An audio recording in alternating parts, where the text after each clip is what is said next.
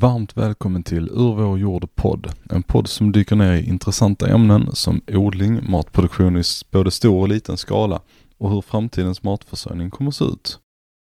I dagens avsnitt pratas det viner, inte vilka viner som helst utan så kallade naturviner från druvor odlade lokalt i Skåne. Hör Jesper berätta om att ensam hantera hela produktionskedjan, från barmark till plockning av druvor till färdig dryck.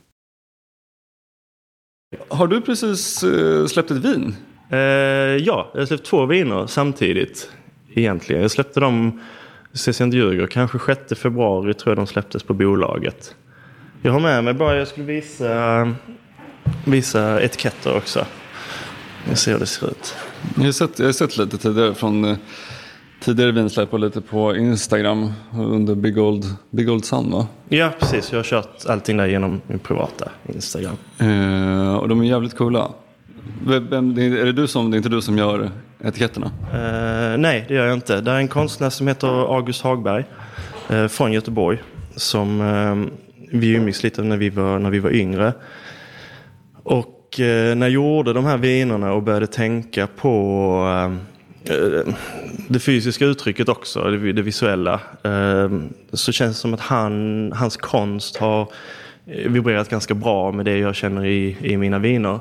Så vi började ett samarbete där att jag, ja, vi, vi ringer upp varandra och jag har ett, ett vin på G där jag förklarar mina känslor inför vinet och, och, och vad det är för ett vin. Och han eh, försöker tolka det med sin konst, antingen genom ett konstverk som han redan har eller att han sätter sig och målar någonting nytt. Så den som du håller där till höger, Fjälltopp, den, eh, den målade han speciellt till det här vinet då. Mm. Och det är den nya, nya Fjälltopp, eller båda eh, nya släpp?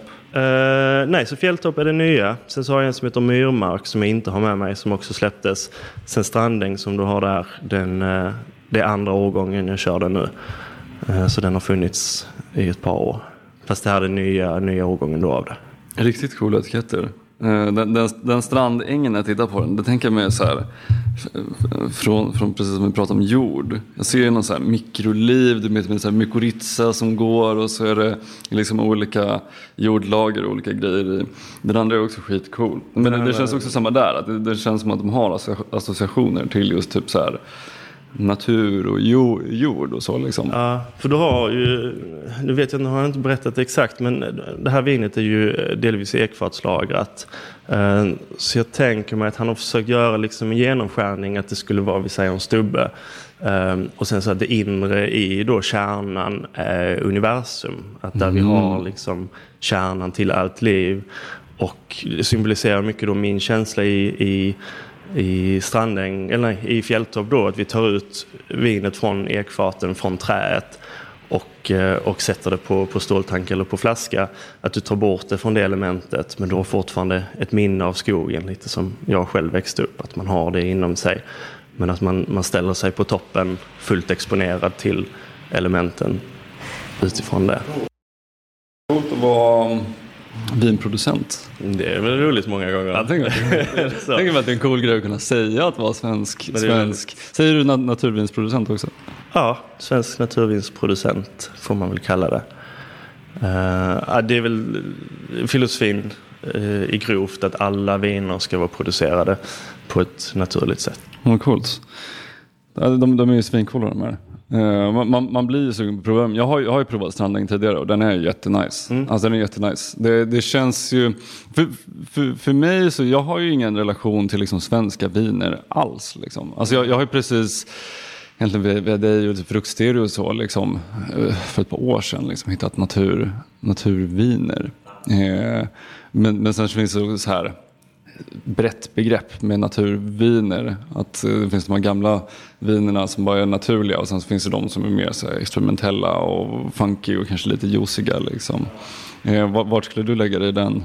Alltså det är ju en svår genre att jobba med på något sätt. För eh, dels att det är ju inga regler heller vad ett naturvin är och får vara för att få heta ett naturvin. Så det är lite upp till dig själv också kanske. Men jag är ju väldigt inspirerad från, ehm, från den gamla kulturen av vinmakning i, i Frankrike till exempel. Mycket av min inspiration kommer ju från en naturvinsproducent som jag jobbade med i Frankrike. Där han menar på att han, han försöker liksom inte skapa någonting nytt utan han försöker istället eh, plocka tillbaka det som vi har glömt bort så som vi gjorde förr.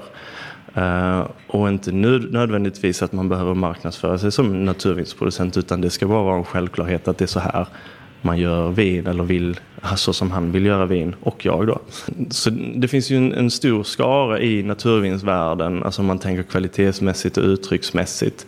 Eh, där du har på en sida av spektrat så har du kanske väldigt experimentella, väldigt funky grejer där snudd på ibland det kan bli irriterande för det kan bli en liten ursäkt att kalla det naturvin mm. för att helt plötsligt så, så får du lov att ha en massa defekter och att det i min mening kanske inte är så jäkla bra alltid men det är inte alltid upp till mig att, att, att bedöma men sen så jag ligger nog mer på den andra sidan spektrat där du behöver nödvändigtvis inte veta att det är ett naturvin. Det viktiga för mig är att det är det och att det är producerat på det här sättet. Sen är stilen ganska Um, uh, ganska, ganska clean på något sätt, ganska uttrycksfull uh, ändå. Och det, det viktiga är väl att bevara en energi, alltså den energin som du fångar i vingården. Du fångar ju den här solenergin och jordenergin i, i en råvara som du sen förädlar. Så det handlar ju om att bevara den energin hela vägen för att kunna visa det uttrycket för slutkonsumenten. Um, så ju, ju renare du jobbar hela den vägen tycker jag att du får ett ärligare uttryck på slutprodukten. Är, skulle du se det, för du är väl både alltså vinmakare, då är det liksom att man bara gör själva vinet va? Mm. Men, men du är ju också vinodlare. Ja. Eller, eller det, finns det något annat namn för bo, båda de två tillsammans? Alltså I Sverige har vi nog ingen benämning på det. I Frankrike, Frankrike skulle vi säga vigneron. Då är du både odlare och vinmakare. Då har du hela, hela spektrat. Men jag tror i Sverige delar vi fortfarande upp det. Att du håller på med vinodling och sen så håller du på med vinmakning. Men man säger nu generellt vinmakare som ett samlingsnamn på det. Även om det inte blir alltid rättvist kanske, för det betyder inte alltid att du har odlat druvorna mm. själv. Men de, de här druvorna, för ena Strandäng, eh, de kommer utifrån Strandäng då? De kommer från eh, Klagshamn då. Ah, det var de, de som vi var med och plockade? Jajamensan, så de som ni var med och plockade. Nu ligger de på tank i, i Malmö och har inte buteljerats ännu. Men den odlingen där ni kom och hjälpte till att skörda. Där har egentligen alla viner som jag släppt hittills har druvorna kommit från den parcellen. Och där, där, hade du, du startat typ ett projekt med han, för det, det, är någon annan, det är någon vingård där va? Precis, så... jag, jag, jag började väl min vinresa hos Murre då i vingården i Klagshamn. Uh, och jag började som anställd 2016 och något av det första vi gjorde det var att plantera den här parcellen vinmark. Då. Så, så druvorna eller vinrankorna är odlade av, av mig och Murre eller planterade av mig och Murre.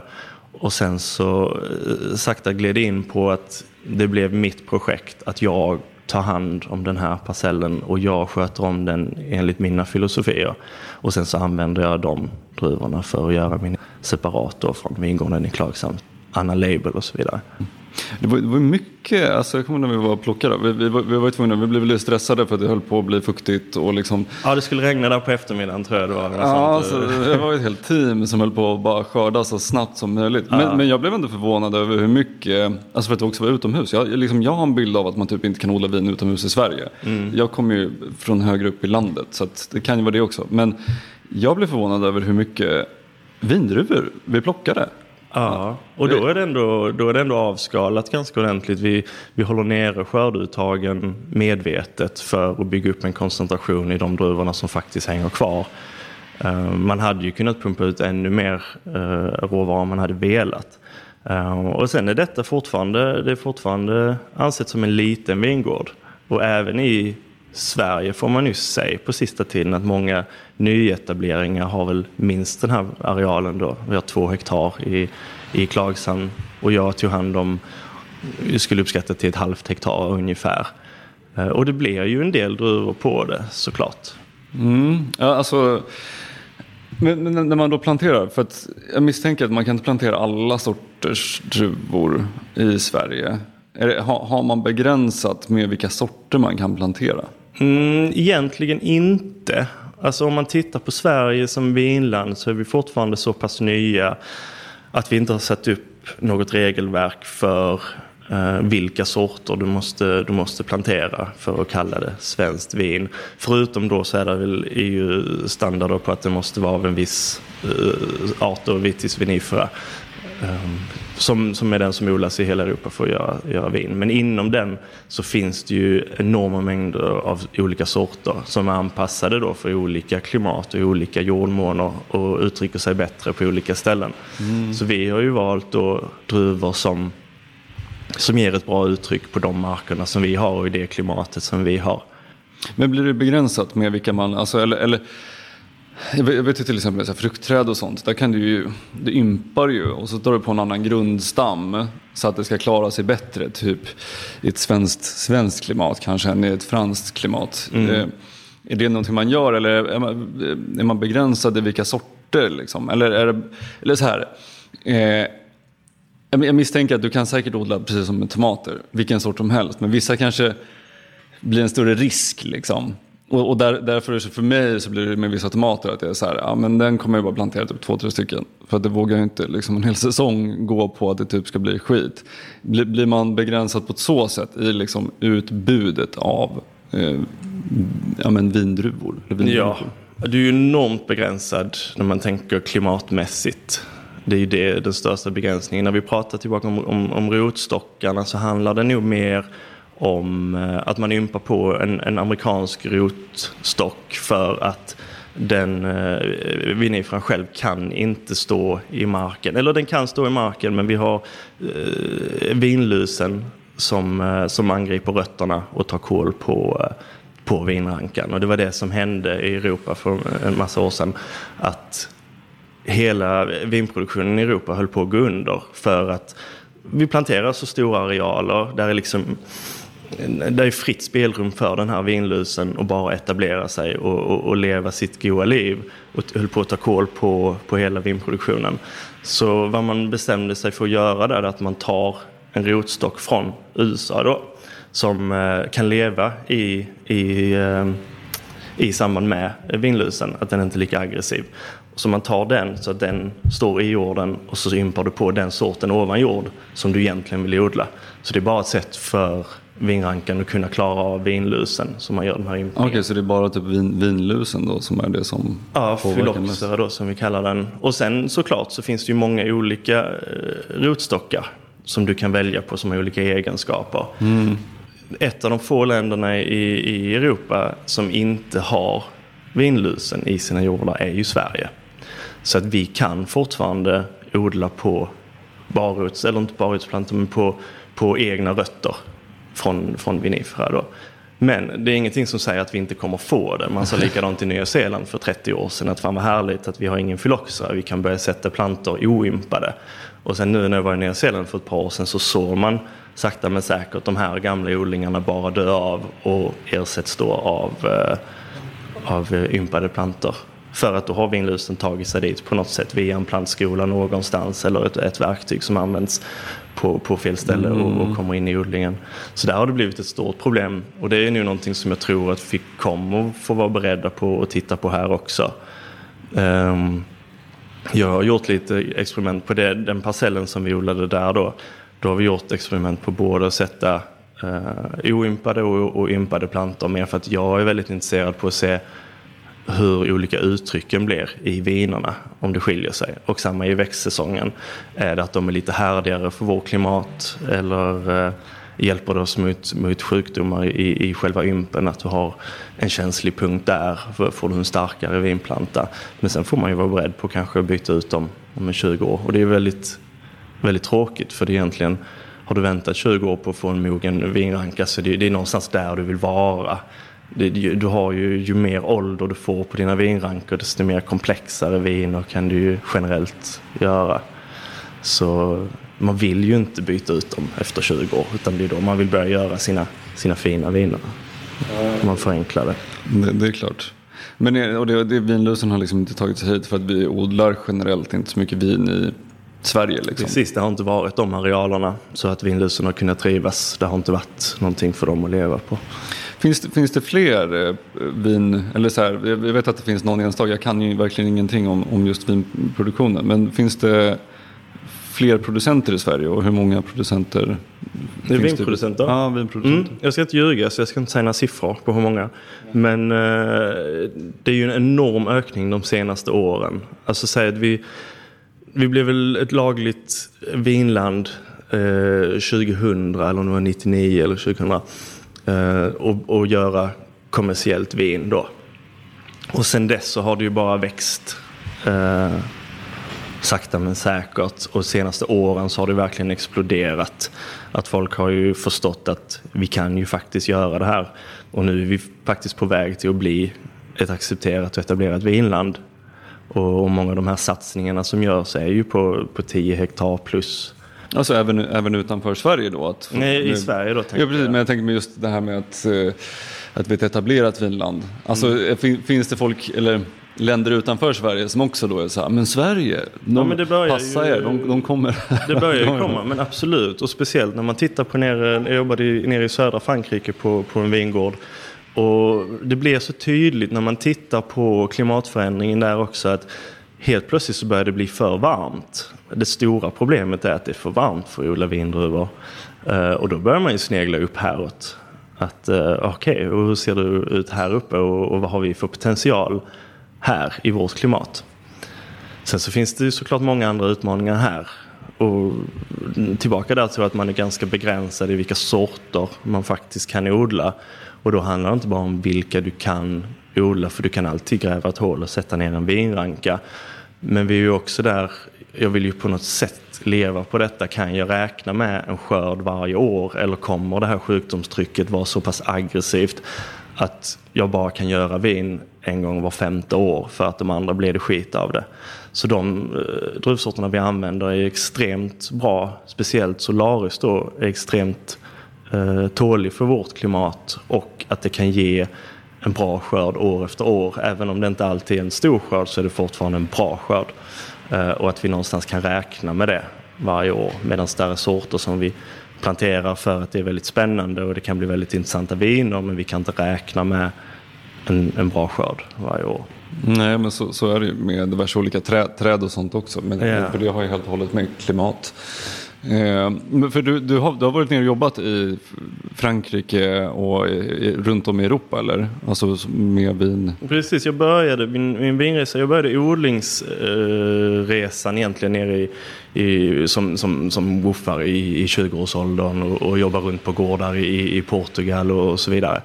Och sen så eh, tillbaka till Sverige för att, och göra en, en, en trädgårdsutbildning då. Och efter det så började jag halka in på vinodlingen, blev helt plötsligt nyfiken på att men vänta, vi odlar vin här, hur, hur är det? Och, och började jobba med, med Klagsam då, med Murre. Och där föddes ju mitt vinpassion och mitt vinintresse. Och såg ju verkligen potentialen med Sverige och de svenska druvorna och vad vi kan göra. Men kände också att vi har inte tillräckligt med kunskap. Så då blev det någon slags, jag kände väl någon slags ansvar att skaffa mer kunskap och försöka förstå hur vi ska gå tillväga. Så det första jag gjorde det var väl att, att ta mig ner till Nya Zeeland. För Nya Zeeland är ju också ett, ett relativt kallt klimat att odla i. Och de är också ett relativt nytt vinland. Så då kan man titta på att vi är kanske där, där Nya Zeeland var för 30 år sedan. Så jag är väldigt nyfiken på att åka ner och titta hur kom ni dit ni är idag? Och vad kan jag lära mig och ta med mig tillbaka till Sverige? För där är man också väldigt duktig när man tänker på, på hållbarhet i, i odlingen. Och, och den gården jag jobbar för är en ganska stor biodynamisk vingård så jag vill lära mig mycket mer om det också, hur, hur vi kan hantera det i Sverige. Och sen så märker man kanske när man är i Nya Zeeland och jobbar att det är väldigt eh, nytt vinland. Att eh, mycket av kunskapen är kanske läst kunskap, universitetskunskap. De är väldigt, de är väldigt eh, organiserade i sina, i sina siffror och sin statistik och, och sina recept på hur man gör olika viner då. Generellt får jag ju såklart säga. Um, Till skillnad från eh, typ i södra Europa? Eller? Precis, då, så då funderar jag på, men, men jag, jag saknar väl kanske lite kulturen. Uh, om man tänker historien och den här kunskapen som kanske inte är speciellt noterad men den har bara gått från, från, från mun till mun, arv till arv i, i generationer och det handlar om traditioner, hur man gör grejer istället för mer kanske en effektivisering. Eh, så det var ju väldigt tilltalande för mig, speciellt när jag vill börja göra naturvin och börja titta på hur har man gjort det här förut. Så det var då jag började söka mig ner till, till Frankrike och, och kände att jag, jag, jag valde att åka ner och, och jobba för några av de största mentorerna då som jag hade under den tiden. Eh, som gör vin så som jag ville göra och bli inspirerad av dem och lära mig från dem. Mm, rätt. Men eh, då eh, har du märkt, eller, eller när du har varit där nere också i Frankrike, för du nämnde att med liksom förändringar i klimatet. Att där nere så typ nu kanske det är typ till och med lite för, för varmt på vissa ställen. Är det någonting som de har märkt av eller till, kanske till och med du har märkt av när du har varit, varit där? Eh, alltså att det, det, är påtagligt att det är någonting just nu med, med klimatet som, som sker. Absolut. Absolut. Alla varje, varje årgång jag har gjort i södra Frankrike har, det, har snacket gått likadant. Detta är värmerekord, detta är det varmaste vi, vi har varit med om. En osäkerhet, hur ska vi hantera den här värmen? Vinrankorna bokstavligt talat bränns. Alltså vi, nere i, i Tavel när jag jobbade där så hade vi ett värmerekord på 37 grader. Och vi kom, vi, vi kom till, nej förlåt. Jag måste tänka så jag inte ljuger. Ja, men jag, 37, 37 grader låter, ändå rim, rimligt. För jag vet, jag vet ju värmeböljorna som har varit här.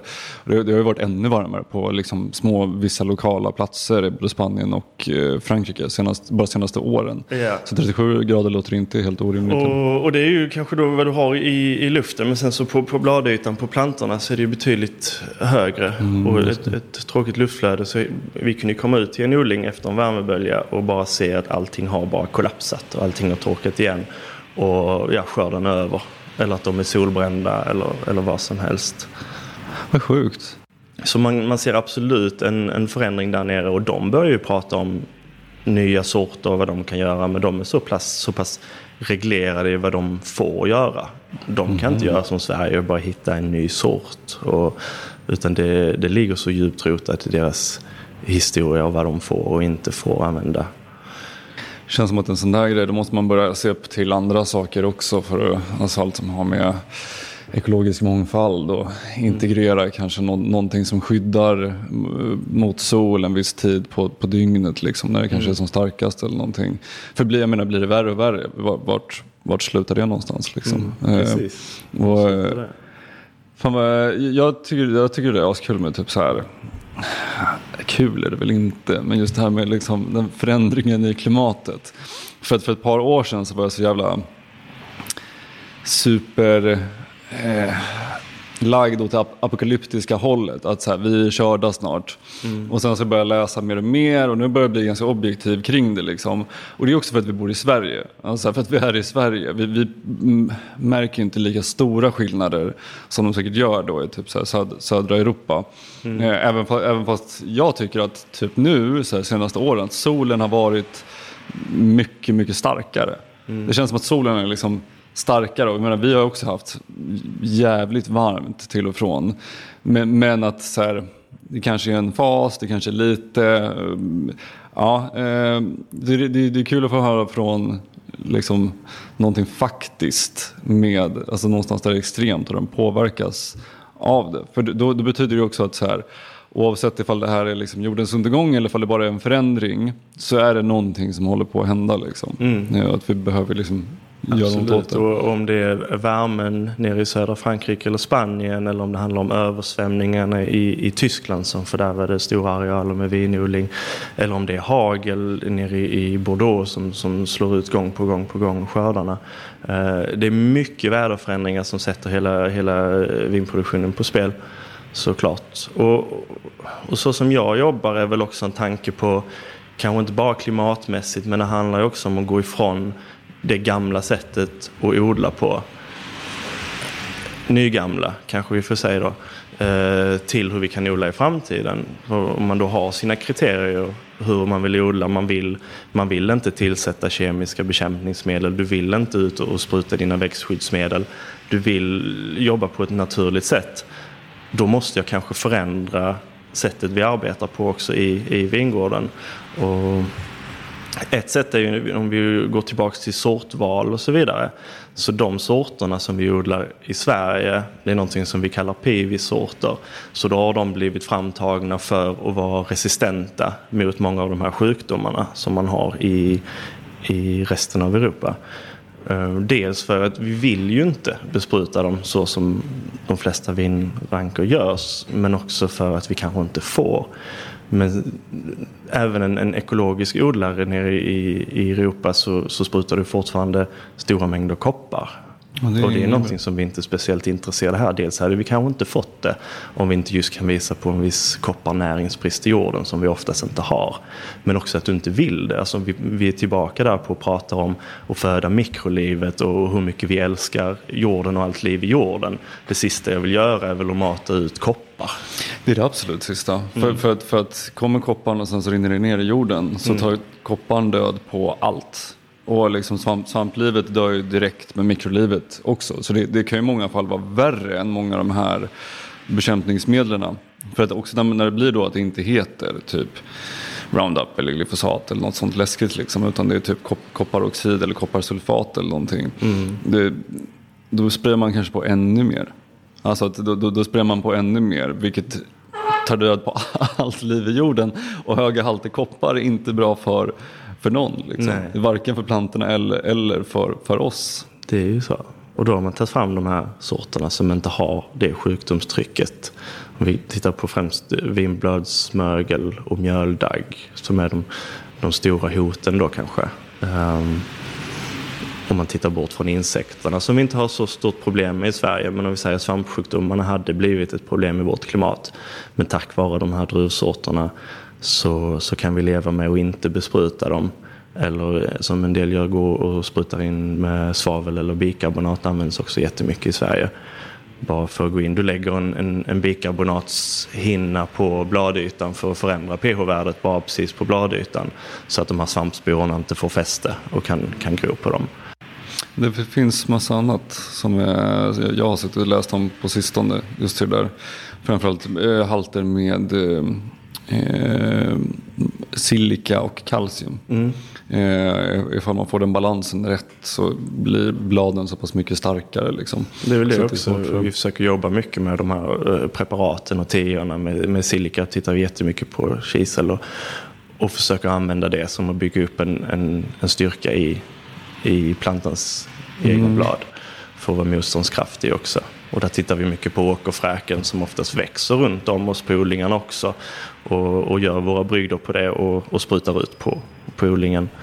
sen nere i den här biodynamiska vingården som jag jobbade i på Nya Zeeland så, så utvinner man ju kisel från eh, kvarts, från kristaller. Och sen så går vi ut och, och sprayar det i soluppgången med handsprutan. Och, och så, här. så det är ju mycket för oss, eh, dels för och bygga upp den här eh, cellstrukturen då som vi pratar om.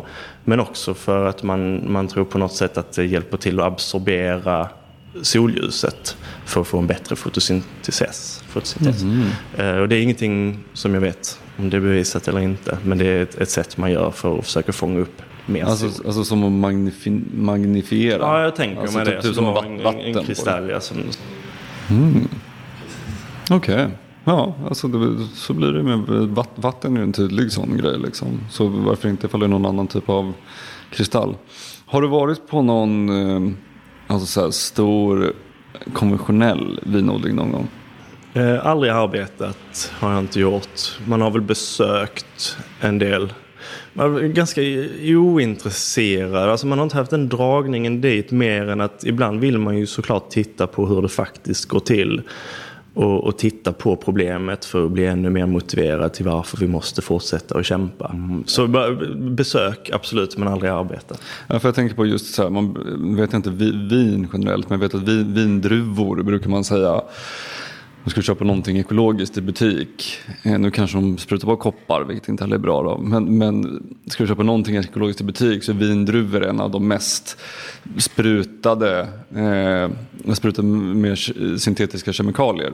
Eh, nu vet jag inte hur det är med vin, men jag kan tänka mig att det skulle vara lite samma likadant. Och hur skulle det då påverka oss när vi skulle köpa vanligt vin på Systembolaget i Sverige? Liksom? Mm. Och det är ju någonting som jag inte vågar svara på heller hur det påverkar dig som person och, och viner som är gjorda på de här sätten. Men det är ju sant, vindruvor är ju, säger de i alla fall, en av de grödorna som är mest besprutade i, eh, i världen då. Så där känner man ju ett ännu större ansvar som vinodlare att göra sitt absolut yttersta för att inte gå den vägen eller för att inspirera fler att ta en annan väg. För att om vi nu i Sverige ska bli ett etablerat vinland eller om vi redan är det så måste vi ju tänka till på hur vi vill. Vi kan inte bara gå och kopiera ett system som inte fungerar och implementera det här utan vi måste tänka själva hur vill vi faktiskt hantera vår jord. Och jag tror också ifall man har odlat och sett odlingar och sånt. Man, man förstår att det finns någonting i att göra det på ett mer naturligt sätt. Ifall det är ekologiskt eller biodynamiskt eller vad det nu är för någonting helt naturligt. Man kanske inte behöver sätta någon, någon ehm, term på det. Liksom. Men, men man förstår ju när man har hållit på med det ett tag att det finns någonting mer man får ut utav det. Alltså inte bara för kanske produkten blir bättre. Man, man kan jobba, man får jobba med, det tar längre tid, man får hitta de här små brygderna som man ska spraya på, som, som hjälper mot de här sakerna. Men också bara så här, livet runt omkring. Men när man håller på med det så man, man, även fast man kanske kan producera mycket mer så fattar man. Man ser, man känner att det är ett bättre system. Eh, så, och framförallt då med, med klimatförändringar och det som håller på där. Jag misstänker att det kommer vara en stor grej som många vinproducenter i så fall i sådana varma länder kommer behöva jobba med. Mm. Alltså jobba mer mot det här naturliga och få in täckgrödor och fånggrödor och träd och annat liv. Eh, för för det, det, det är mycket det som är på tapeten just nu inom så här biodynamiska kretsar och så här när de pratar om typ konventionell odling det är just det här att här, det håller inte näringsämnen, det tar död på mikrolivet men det håller framförallt inte vatten. Vattnet bara åker rätt igenom och så blir vi helt beroende av att stödbevattna då liksom. Men det är, många, men det är också en, på en stor odling det är en jättestor process liksom. Eh, vi pratade med Håkan, eh, Håkan Rasmusson, han har både Eh, han kör också så olika sädeslag, alltså lite, lite större, inte megastort men större. Han har både konventionellt och ekologiskt. Eh, och han märkte tydligt att på den ekologiska sommaren 2018 när vi hade jätte, jättevarmt här så märkte han att det klarade sig mycket, mycket, mycket, mycket bättre. Eh, och han behövde liksom inte stödvattna på samma sätt. Det är någonting vi också sett på vingårdar på olika ställen. Då, om vi säger igen i, i Frankrike om man jämför då, för oftast ligger ens odlingar i, i eh, granne till en annan odling som inte nödvändigtvis är ekologisk eller jobbar naturligt på det sättet. Att man såg en stor skillnad när det var tryck i klimatet. Att eh, våra rankor på något sätt klarade sig mycket bättre. Och speciellt då när man tänker på att hålla vatten framför allt när det är sån här torka. Och många av de här andra konventionella de har ju satt in stödbevattning och de har ju de har ju vattenslangar som ligger och, och, och får gå in och vattna medan vi vattnar ju egentligen aldrig. Nej, ni gör inte det? Nej. Det är ju en fördel också med eh, vinodling som jag tycker är väldigt intressant. att vi pratar ju mycket om resurser och hur vi kan hantera resurser och vatten kommer ju bli en stor fråga i framtiden. Och, och vin är ju väldigt intressant för då är det ju en gröda som du inte behöver vattna i princip då. Eh, säg att i en nyetablerad odling kanske jag går in och, stödvattnar första eller andra året för att få en etablering. Men målet är ju att efter ett eller två år så ska du dra bort de där slangarna. Du ska inte behöva vattna. Och många av dem på, på rätt ställen så behöver du kanske inte ens stödvattna de två första åren. Kanske bara om du står på en extremt sandig jord. Men annars på, på mina vinrankor så har de aldrig fått någonting vatten från mig utan de får hitta det själva ner till, även i, i den djupaste sanden. Okej. Okay. Men det, det gör ju att till, till, alltså, så länge de får lite, lite vatten liksom och väl etablerar ett rotsystem som är tillräckligt djupt Men, men sen också när det blir naturligt med typ symbioser med mykorrhiza, vilket jag kan tänka mig att vinrankor Absolut. skulle gynnas otroligt mycket, mycket av. Eh, så, så tror jag att då behöver man inte alla de här inputsen. Eh, inte lika mycket i alla fall. Eh, för då, då tar man tillvara på den naturliga regenererande kraften som magiska kraften i, Mm. i jord och natur som, som finns där liksom. Det är därför vinrank har varit så trevligt också för att man har kunnat odla det på ytor som har ansetts vara eh, obrukbara för, för jordbruk. Plantera dem liksom på, på bergssluttningar eller rakt ner i, i stengrunden ibland på vissa ställen. Och bara de fixar det. Det tar kanske lite längre tid men med många ställen så har man planterat på ställen som du inte kan odla någonting annat på. Mm, fan vad Så det är en väldigt intressant kultur att arbeta med på det sättet att det inte kräver samma input på det hållet. Mm, fattar. Och sen är det också om man tänker på bevattning att det är någonting som jag oftast inte vill gå in och göra för att med, med för mycket vatten så vad du gör, du pumpar ju upp eh, vinklasan också. Du pumpar ju upp vinbären, eh, vindruvorna och du får inte samma koncentration i smakämnena för det är ju utblandat om man tänker förenklat. Så att jag vill ju minimera vattnet, speciellt när vi kommer nära skörd. Det är därför vi ringer dig i panik och säger att regnet är på väg. För att om vi väntar till efter regnet så är de här vindruvorna så uppumpade att mina smakämnen är, är, är utblandade. Så jag får inte fram den koncentrationen i slutprodukten som jag vill ha. Så det är en stor skillnad att vara Eh, vinodlaren och kanske vara eh, grönsaksodlare många gånger. Att jag tittar ju inte, jag vill ju inte få volym utan snarare tvärtom att jag vill begränsa volymen skördeuttag. Så att vissa år går jag ju ut aktivt och klipper bort klasar och lägger på marken till jorden istället. Eh, för att det hänger för mycket. Det, det, kommer inte, det kommer inte ge den koncentrationen i vinet som jag är ute efter.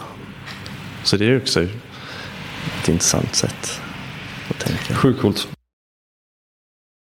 För jag, vet du något, för jag har hört en ganska kul grej med Systembolaget, eller kul, det är samma där, varför säger jag att saker är roliga när de inte är det?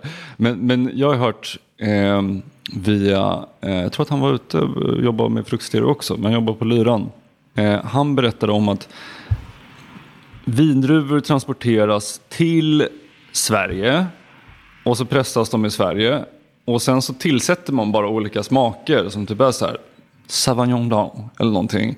Och sen så är det typ Systembolaget som lablar vissa grejer som är typ så här Villa Fricocini. Men att Villa Fricocini finns inte ens. Ja, ja, man hittar på en, en domän på något sätt. Ja, men bara för att ha typ ytterligare ett vin. Säkerligen, säkerligen. Jag är inte alls förvånad. Alltså de lägger väl... Nu vågar jag inte prata för mycket heller hur Systembolaget jobbar för jag är inte jätteinsatt i det. Men jag tänker, eller jag vet ju att de efterfrågar ju vad de vill ha. Och så är det upp till producenten att tillverka det, mer eller mindre. De, de kommer ju inte till mig och tittar på vad jag vill ha, men om jag är intresserad så kan jag ju till bolaget säga, ja, men vad är det vi vill ha? Vi vill ha ett vin från det här och det här landet, vi vill ha den och den smakprofilen, vi vill ha de volymerna och det ska ligga i den prisklassen. Men smaksättningen då? Alltså är det någonting som, som eh, sker i vinvärlden? Att man typ som liksom tillsätter smak i vinerna? Det kan jag inte säga att det, är en, att det är en stor grej heller, mer än att det är en stor poäng vilken gäst du använder och, och, och jäser med. Alltså oftast, de flesta jäser ju med en, en, en eh, konventionell gäst som är framtagen i ett labb som har då vissa egenskaper som du är ute efter. Och det kan, ha, det kan vara egenskaper i form av hur den jäser, vilka temperaturer den, den jäser och hur stark den är. Men oftast är det ju att man väljer den på grund av bismakerna den ger. Att vilja ha ett vin och gå i den här stilen eller ha de och de fruktaromerna så kommer det kanske hjälpa mig att använda den här gäststammen så då får du köpa den och, och använda den och så vidare. Uh, inte jättebekväm i, i att berätta exakt hur det fungerar. nej, nej, men du kan, säga, du kan bara säga vad som helst. Det är så som jag jobbar är ju att jag vill ju ha jag vill ju ha gäststammen som är i vingården. Alltså mitt, som vi har pratat om innan, mitt främsta mål är ju att fånga energin av en plats. Jag vill ju fånga säsongen hur den var, platsen hur den är och livet som finns där. Så då vill jag ju inte gå och köpa en gäst från eh, Nya Zeeland eller vad jag ska hitta på och tillsätta den för att få en viss smakprofil. Utan gästen som finns på vindruvsskalen när de kommer in, den gästen ska få jobba. Mm. Och sen om jag vill förändra någonting, då får jag ju förändra mig själv i vingården. Då får jag ju förändra där. Men så som jag sätter igång eh, mina jäsningar, då gör jag så att jag pressar, jag skördar då en vecka innan till exempel. Och så pressar jag det i vingården så att jag fångar in gästen i luften och från vindruvorna där. Och sen så ställer jag den så den får börja gå igång och jäsa naturligt. Så jag odlar upp en förkultur lite precis som du gör med en surdeg till exempel. Och sen så med den förkulturen så har jag den aktiv när skörden sätter igång då 7-10 dagar senare. Så när jag sen pressar mina viner så tillsätter jag då 2% av den här juicen då som en startkultur för att, att se till att det är den gäststammen som ska få ett försprång i drycken. Och det är framförallt intressant för mig, eller viktigt för mig, för att jag fram till nu har jag ju gjort vin i andra människors lokaler. Och en stor utmaning är ju att inte bli infekterad av deras gäststammar eller bli manipulerad av deras eh, mm. deras omgivning. För det påverkar ändå så pass mycket vilken, det påverkar vilken gäst? extremt mycket, absolut. Mm. Det är en stor, stor skillnad vilken gäst som får ta över. Och även inom samma gäststam så finns det ju många olika sorter som, som sätter olika karaktär. Alltså det, det, är kul när jag sitter för jag, jag blir ju alltid passionerad när jag väl hör, hör om grejer. Och det här är en sån grej som jag skulle typ jag vill typ inte gå in för mycket på det för då vet jag att det här låter roligare än vad jag håller på med. här, men alltså, så tänker jag många gånger om dig också. Ja, men kanske. Men, men du vet just, just att det är en produkt som speglar en hel säsong, mm. flera säsonger. Mm. Det, det, det, gör ju min till en viss grad. Liksom. Men jag jobbar mycket med annualer, alltså ett, ettåriga grönsaker. Mm. Så det är klart att så här, min jordmån för det året, när jag väl planterar den säsongen, det kommer påverka hur det blir. Men inte alls i samma, samma utsträckning som, som ett vin. Liksom. Det, det, det kommer ju, som du säger, en ranka på 20 år ger ett, en annan karaktär än en på... Mm. Den har ju byggt sitt minne över 20 år och hur den ska bete sig på den här platsen och, och vem den är som individ också bland de 4000 andra vinrankorna den står med. Och därmed just, jag, jag kan tänka mig med vinrankor, alltså med mykorrhiza. Mm. Alltså de här svamparna som, eh, som har en symbios, det finns massa olika, men som har en symbios med, med rötterna på vissa plantor. Och, och jag tror att vinrankor är en sån som en typisk sån. Mm, det görs för mycket forskning på, på det och hur viktigt det samspelet är. Och det är ju samma som med många andra grödor att det är väl på senare tid det har blivit uppmärksammat lite mer och att man faktiskt har börjat forska i det. Men jag är övertygad om att det, det är ju tack vare det som vi kan plocka upp de här, det här vattnet och de här mineralerna, de här näringsämnena för att kunna ha en vinplanta stående där livskraftig i ett sånt klimat som kanske är utsatt eller du har ingen bevattning och så vidare. Det är för att du har det här samspelet i jorden redan. Jag tror också att det är en, sån, alltså det är en grej som, precis som du säger, det har kommit fram de senaste åren. Det har kommit fram hur mycket som helst om just mykorrhiza och mikroorganismer och sånt. Men just med mykorrhiza, ser man en bild på rötter med mykorrhiza jämfört med utan, så tror jag att man fattar, alltså man, man, man fattar att mykorrhizan gör väldigt mycket. För, för det, det som blir, blir att det ser ut som att på en stor rot så går det ut hundratals, tusentals små minirötter som egentligen är mykorrhizan som bara är som en förlängd arm. Och de hjälper ju till att suga upp ännu mer näring och vatten och allt vad det är.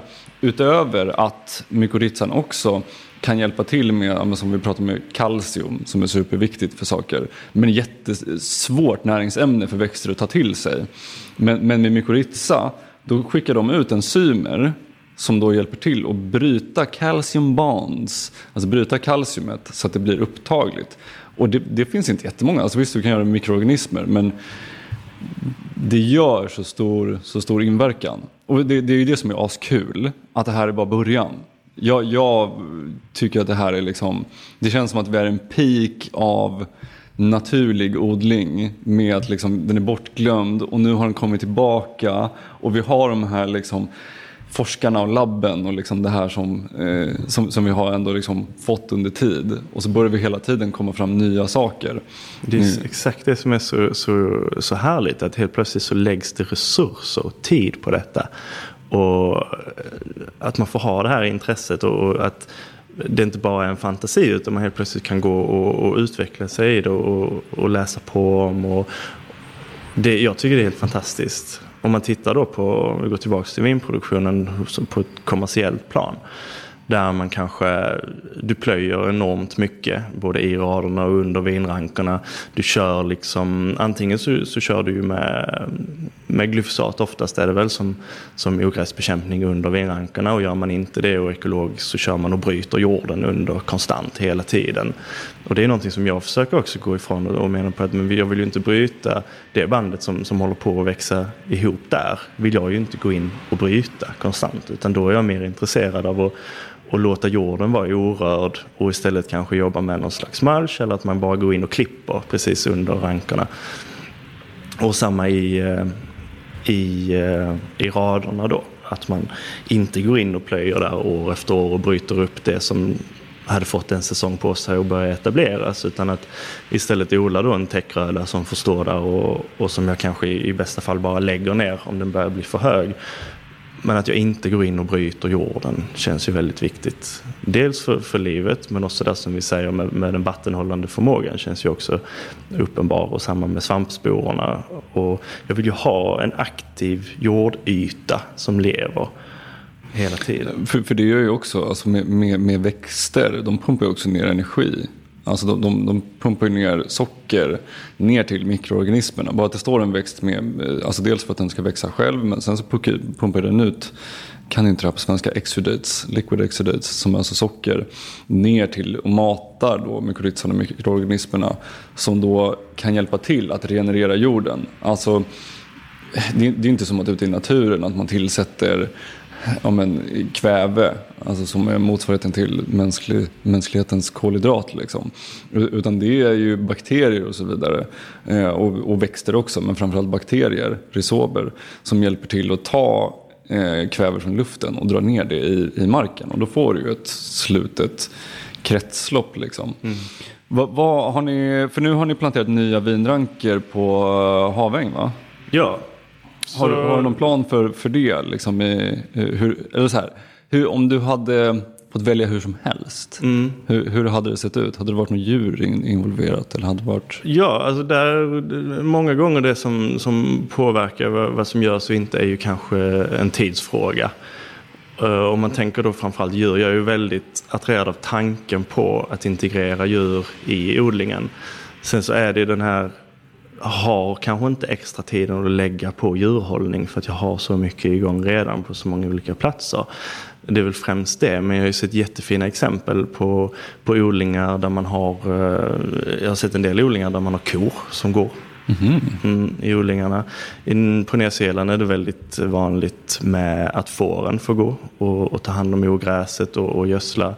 Och även en, en vinodling i, i Sverige som jag vet använder sina får för att göra den här avlövningen som vi kallar det. Där under en viss tid på säsongen så går vi och plockar bort blad från druvzonen för att solen ska komma åt druvorna bättre.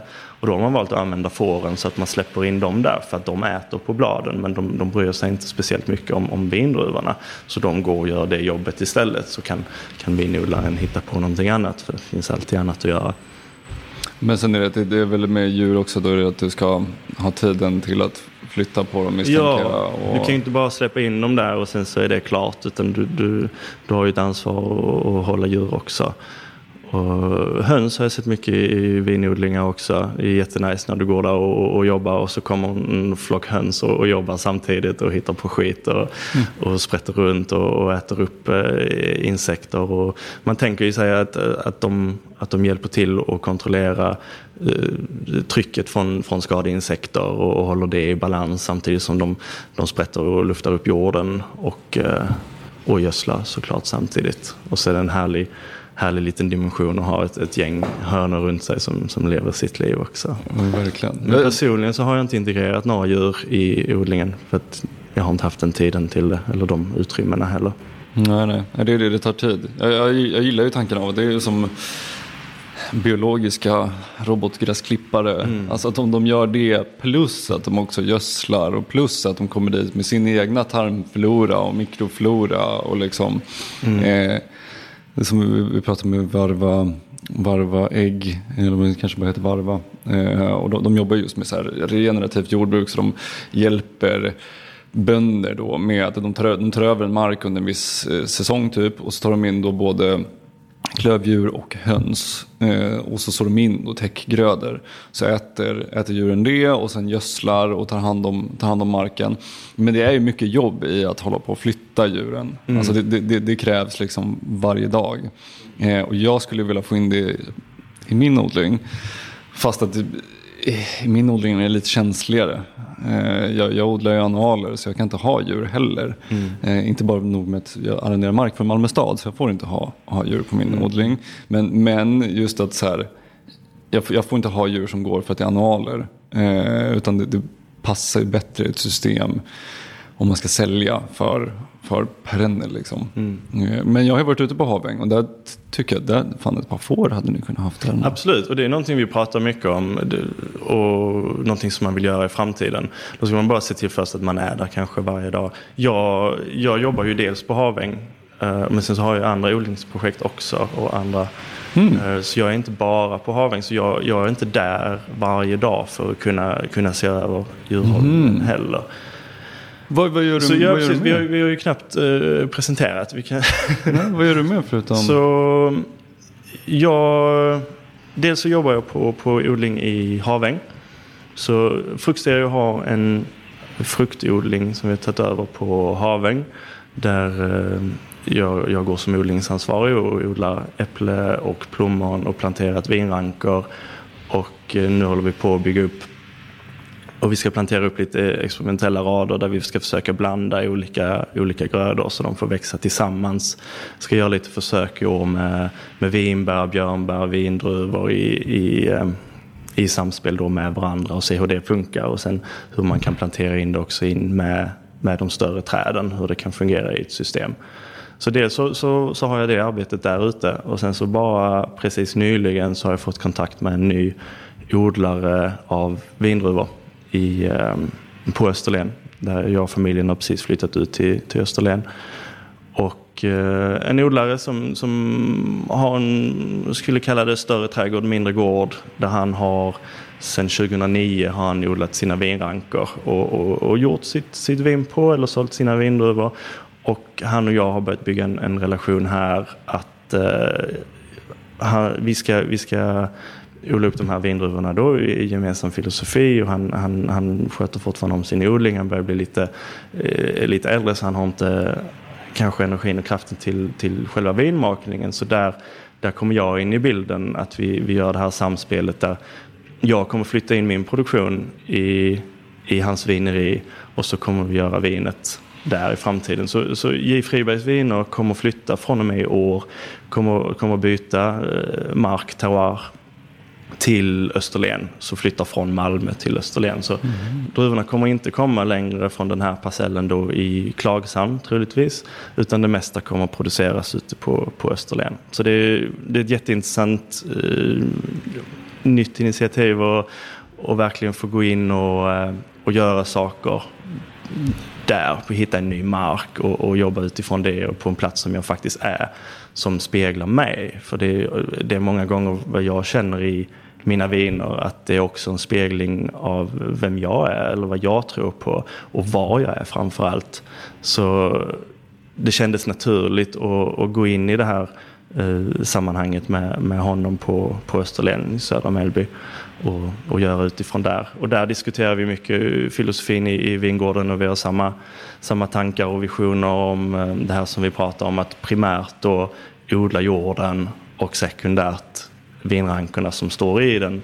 Så vi, från och med i år så kommer vi trycka upp det ännu mer och vi kommer försöka jobba mycket mer med, med att producera egen biokol och vi kommer göra en, en om man säger en, odla mikroorganismer på pressrester från vineriet så istället för att slänga dem eller skicka dem någon annanstans så kommer vi försöka integrera dem i ett system där vi, där vi odlar som en, som en bokashi eller en, en effektiva mikroorganismer på pressresterna som vi sen kan, kan exempelvis ladda biokolet med eller bara precis eh, lägga ut i raderna som ett komplement till gödsel. Mm. För att sluta den cirkeln på något sätt. Att för i slutändan så är det ju bara juicen som du pressar ut från, från druvorna. Du har ju mycket näringsämne kvar som du har plockat bort som jag gärna vill ge tillbaka. Och det är, det är ganska stora mängder också organiskt material som, som försvinner så jag vill i största mån se till att den kommer tillbaka. Det, det tror jag starkt på. Alltså det tror jag verkligen att ta, ta tillvara på. För det, det finns ju det finns ju mycket pressrester från alla, alla olika. Det finns mycket skräp som vi bara gör biogas av idag. Mm. Där, jag håller också på att sätta upp ett system, eller jag konsultar ett projekt där vi typ ska göra precis, precis den grejen. Liksom. Eh, men jag är bara en liten, liten del av det där och hjälper till att sätta upp liksom produktionen utav det. Men, men just för att jag ser hur mycket som går till spillo som skulle kunna användas igen. Och fördelaktigt. Gör man det på rätt sätt, om man då kan brygga både mikroorganismer och ta tillvara på det sockret som finns kvar. Mycket har åkt ut i, liksom, i juicen men också på fibrerna och allting som är i det. Och sen då inokulera det, alltså ladda biokolet med det här. Mm. Eh, jag tror att det är sådana system som är framtidens system. Liksom, och bygga liksom, starka, hållbara liksom, jordar. Eh, för, för förr eller senare så kommer det tillbaka en sån sommar som 20, 2018 och då vill vi vara redo. Eller, eller jag menar fan idag, det är gödselpriser, herregud.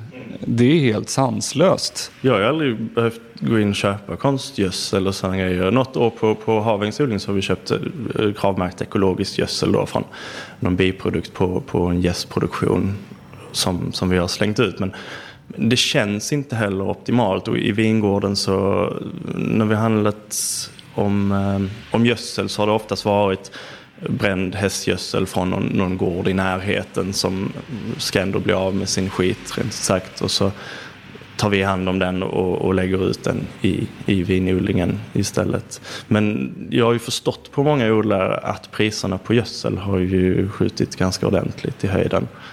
Alltså galet. Det, det, det blivit, alltså, all, allt har blivit så mycket dyrare. Eh, jag vet, alltså, jag köper ju lite grann liksom. Och det som jag köper som är liksom dyrast i alla de här mik mikronäringsämnena. Mm. Eh, för, tills min jord är tillräckligt bra så måste jag ändå tillsätta lite av det för att kunna säkerställa att mina grönsaker också får det. Alltså också att mina konsumenter får, får i sig de mikronäringsämnena. Och det hade gått upp dubbelt mm. eh, jämfört med förra, förra året. Men det är också någonting man får fundera på. Var kan man hitta det istället då? Jag funderar mycket på, jag har inte gjort några försök ännu, men vi ligger ju relativt nära havet och där är ju mycket tång som har, som har sköljts upp. Eh, om det finns någonting jag kan göra med det och, och, och, fermentera eller bara extrahera mikronäringsämnena på något sätt få ut till, till vinrankorna också. För att få ut eh, framförallt mikronäringsämnen som du pratar om. För det kanske inte alltid är intressantaste att titta på den här MPK för vinodling heller. Alltså dels så eh, Ja, det, det, är oftast inte där jag lägger fokus när jag tänker på gödslingen. För dels så, så växer vinrankor ganska bra med, med relativt låg näringshalt. Och eh, när vi, när vi snackar om att tillsätta gödsel eller, eller hästgödsel så är det också mycket för att bygga upp jorden och bygga upp humusen och, och, och som du säger föda mikrolivet också i. Um, så absolut finns det, finns det nog andra sätt att, att titta på. Det är tång, tång ju, jag, jag kommer i år, alltså jag, jag har haft tid, tidigare där liksom åkt och hämtat tång som har blivit uppspolat. Man måste se till att det inte är salt, alltså sodium på. Mm. Så, så då vill man ha något som har spolats upp under hösten, kommit upp en bit, att det har regnat på det så att majoriteten av saltet har försvunnit och sen ska man då bara lägga ut det. Mm. Eh, men i år kommer jag köpa eh, brun, kan det vara brun blåstång? Någon brun tång i alla fall Eh, från, från Norge. Som egentligen är ett eh, fodertillskott för hästar. Eh, men som är då som ett pulver så att det extraheras snabbt. För jag kan inte heller ha, det blir annorlunda i en perennodling. Där kan du egentligen ta hela de jävla tång, tångsträngarna, liksom, hacka ner dem någorlunda och sen bara lägga ut dem. Och sen bara, blir det någon form av liksom, täckodling också. Men jag kan inte ha det om jag ska odla sallad i sex rader. Liksom. Det kommer inte gå något bra när jag kommer med min såmaskin och det bara fastnar små Nej. tångbitar. Så jag måste ju ha det som ett, som ett pulver. Men jag tror ju starkt på att, eh, att det är vägen att gå. Eh, sen har jag även när jag satt i natt och kollade på en, finns en Soil Health Conference eh, som, som håller på just nu med massa, då, då håller de på, just temat i år är eh, Korean Natural Farming och Biodynamics. Eh, och då kollade jag på en kille igår och han, eh, när man gör en sån typ av brygd som heter jadam eh, så använder man eh, massor med olika rest, restmaterial och så vidare. Men där använder de också havssalt. Eh, rent havssalt i väldigt små mängder. Eh, bara för att även saltet har massvis med mikronäringsämnen. Mm.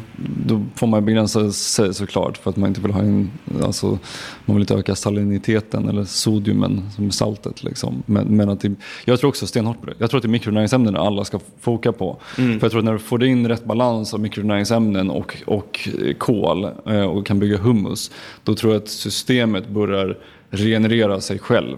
Eh, I början så måste du tillsätta de här stora grejerna, alltså kvävet och det, eh, för, för att ens få ut någonting. Men, men jag tror när, när du väl har byggt det här systemet rätt så tror jag inte att jag kanske behöver göra det i liten mån. Liksom. Men jag tror att det, när man väl har systemet rätt så tror inte jag att man behöver tillsätta, alltså man pratar alltid kväve liksom. Jag tror inte, jag tror inte att man behöver det. Nej. Eh, jag, jag, tror, jag tror att, alltså kväve, vad är det? Det är 72 procent eller någonting av luften som finns är, består av kväve. Det är liksom all luft i princip, majoriteten av luften är kväve. Det är bara att vi ska få ner den till marken.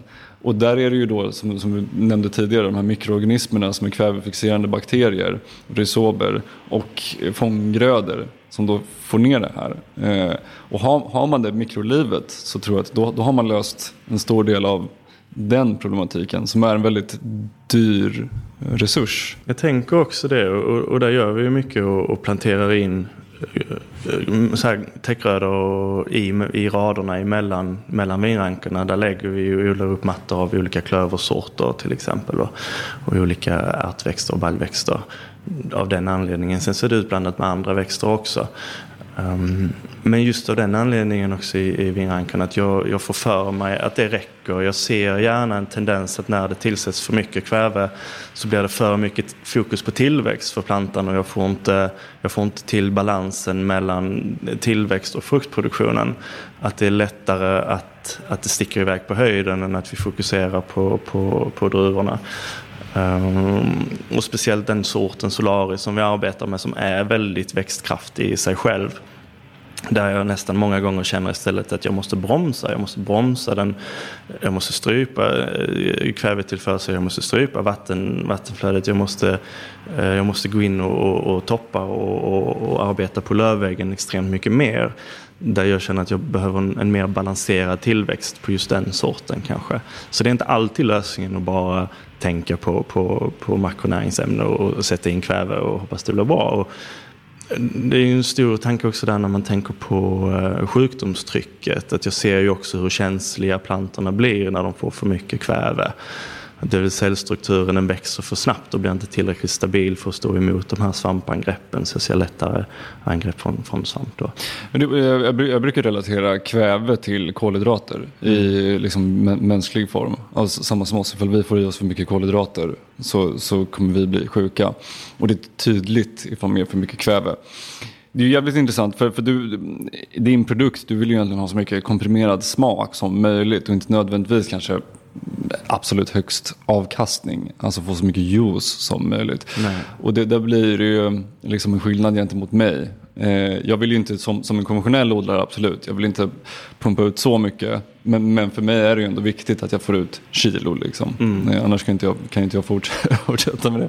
Det, det. det är så vi säljer våra produkter. Sen måste de ju smaka och de måste vara nyttiga och eh, allt, allt vad det är. Liksom. Men där måste jag hitta den, den balansen liksom, mm. i att ändå kunna producera mycket och stora blad. Liksom. Eh, men, men där är det, liksom det, jag tror att eh, samma där, det, det är mikronäringsämnena som måste mm. fokuseras på. Inte bara för vår hälsa utan för plantans hälsa och för, för produktionen. Mm. Eh, och framförallt för att man inte ska sprut, spruta på grejer. Ja. Eh, då, då, är det balansen. Eh, och det är samma som, som med oss. Eh, jag tror att vi, vi, vi har ställt oss ifrån att liksom, vi är långt från djur och vi är långt från växter. Och vi är liksom, men i det stora hela så är det samma livskraftiga energi som är, går in i växter som är ATP som mm. går, in, går in i oss. Sen är det på liksom någorlunda olika processer och så. Men jag tror inte att man ska när man väl börjar förstå växt, liksom, fysiologi och hur viktiga de här näringsämnena är och hur de här olika näringsämnena har olika funktioner. När man väl börjar fatta det och sen så börjar man kolla på människor så är det inte liksom det är inte universum ifrån varandra. Mm. Det, det, det, finns korrelationer emellan. Och är det viktigt för växter att få i sig de här näringsämnena så det, kan jag garantera liksom, att det är vikt, viktigt för oss att också få i sig dem. Jag tror att det, det sitter mycket i, i uh, smaken också i, i, slutprodukten. På, på hur den får, får möjlighet att ta upp de här mikronäringsämnena och eh, på att strypa då som vi pratar om, om fruktproduktionen. Att, att de inte får så högt uttag som vinrankan kanske alltid vill utan jag får gå in och bestämma att nu håller du för mycket och jag får klippa bort lite. Att eh, få för, för att koncentrera den smaken som den faktiskt plockar upp i, i jorden. För det är någonstans där det är ju det som är essensen också i, i produkten tillsammans med energin som vi pratar om. att Det är ju smak. Jag säljer ju en smak, en energi och en vibration någonstans. Um, så den är ju jätteviktig och speciellt när man ska, ska sälja vin. Och du, du ligger ju i en, i en, prisklass där du måste kunna leverera en, en unik produkt och en unik, en, en unik smak och en unik koncentration. För att det ska bli rättvist mot konsumenten också. Vad, vad, vad kostar dina viner?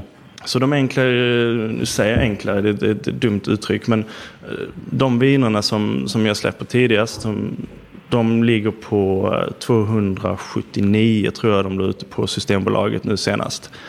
Och de vinerna som är lite mer lagrade, de har legat ett och ett halvt år istället på, på tank på sin gästfällning och de har legat på sina fat. Uh, och de ligger på cirka 320-350 kronor per flaska på Systembolaget på hyllan. Men sen är det ju också när man, när man dricker ditt typ av vin så är det ju en erfarenhet nästan, experience. Det är en helt annan produkt såklart och det, det är det som man känner också som ansvar att ska jag ligga i den prisklassen så måste det vara för att det är värt det. Det kan inte vara för att det måste gå ihop ekonomiskt för då får jag hitta någonting annat att göra.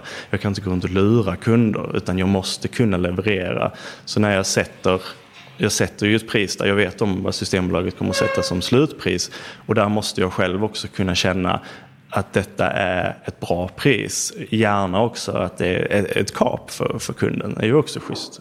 Vad, vad tar Systembolaget ut? En, eh, alltså, har de stora avanser på Nej, men det känns, in, väl, det känns väl OK ändå. De, det är klart att de, de ska ha sitt. Uh, samtidigt så sitter man lite fast där i och med att det är en av de få försäljningskanalerna som man faktiskt kan använda sig av som, som vinproducent.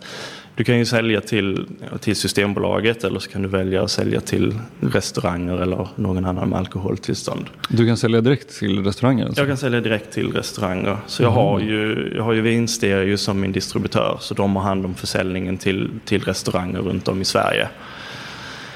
Och vill jag inte då sälja till Systembolaget då får jag ju titta på utanför Sverige och sälja någon annanstans. Mm. Men det känns också fel i nuläget på hur jag vill presentera mina viner. Dels så vill jag väcka intresset hos den svenska konsumenten för att få den konsumenten att känna någon slags eh, kanske stolthet eller en ögonöppnare för vad vi faktiskt har och vad vi kan göra.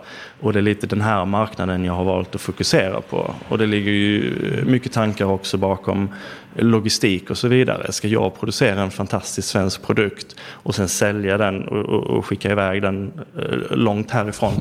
Det känns inte som att det rimmar rätt just nu i min filosofi. Ehm, utan då har jag valt att försöka fokusera på, på den svenska marknaden. Sen så eh, går det ut flaskor till, till importörer i andra länder som är nyfikna och, och det kan jag absolut gå med på om, om man har en bra relation tillsammans och kan förmedla det budskapet vidare till dem. Men än så länge så har, har fokus legat på den svenska marknaden och då är det Systembolaget man får får rätta sig till. Eller som sagt till restaurang. Det blir till privat, alltså, privata konsumenter så blir det väl så i Sverige att det är Systembolaget som, som gäller. Än så eh. länge är det ju det. Vi har ju, där har ju varit mycket snack såklart om gårdsförsäljning. Jag har inte gått in så mycket i, i den debatten eller diskussionen utan om, om det skulle gå igenom att det händer en dag så är det jättetrevligt. Uh, och gör det inte så får vi fortsätta så här. Det jag känner framför allt som hade varit trevligt med någon slags gårdsförsäljning jämfört med Systembolaget är att många gånger känner jag ett alldeles för stort glapp mellan mig och slutkonsumenten. Jag får ingen tydlig relation med mina, med mina eh, kunder eller de som, de som dricker mina viner förutom om de väljer att kontakta mig och vill diskutera vin eller prata vin eller så här. Utan jag känner ibland att jag vill möta mina, mina kunder. Jag vill möta dem som, de som tycker om det här. Jag vill möta dem och, och berätta och diskutera. Så där känner jag väl ett glapp ibland med Systembolaget. Att jag, jag, jag får kanske inte det. Kan man, komma, kan man komma runt det på något sätt då? Alltså kan, kan, du, kan du sätta upp typ så små happenings eller tillställningar. Alltså där, där du typ skulle, så här, kanske måste vara något ställe med alkoholtillstånd eller något. Men, men kan du sätta upp någon sån liten grej där du typ mm. men, en gång per år du Absolut. Vet, presenterar. Och det är någonting som vi kommer göra mycket också. Att, uh, att köra events på, på diverse barer där jag kommer och, och presenterar mina viner och, och, och, bjuder in till folk som vill, vill komma och, och prova och diskutera och, och gör det då i samband med en restaurang eller en bar. Och på så sätt möta folk.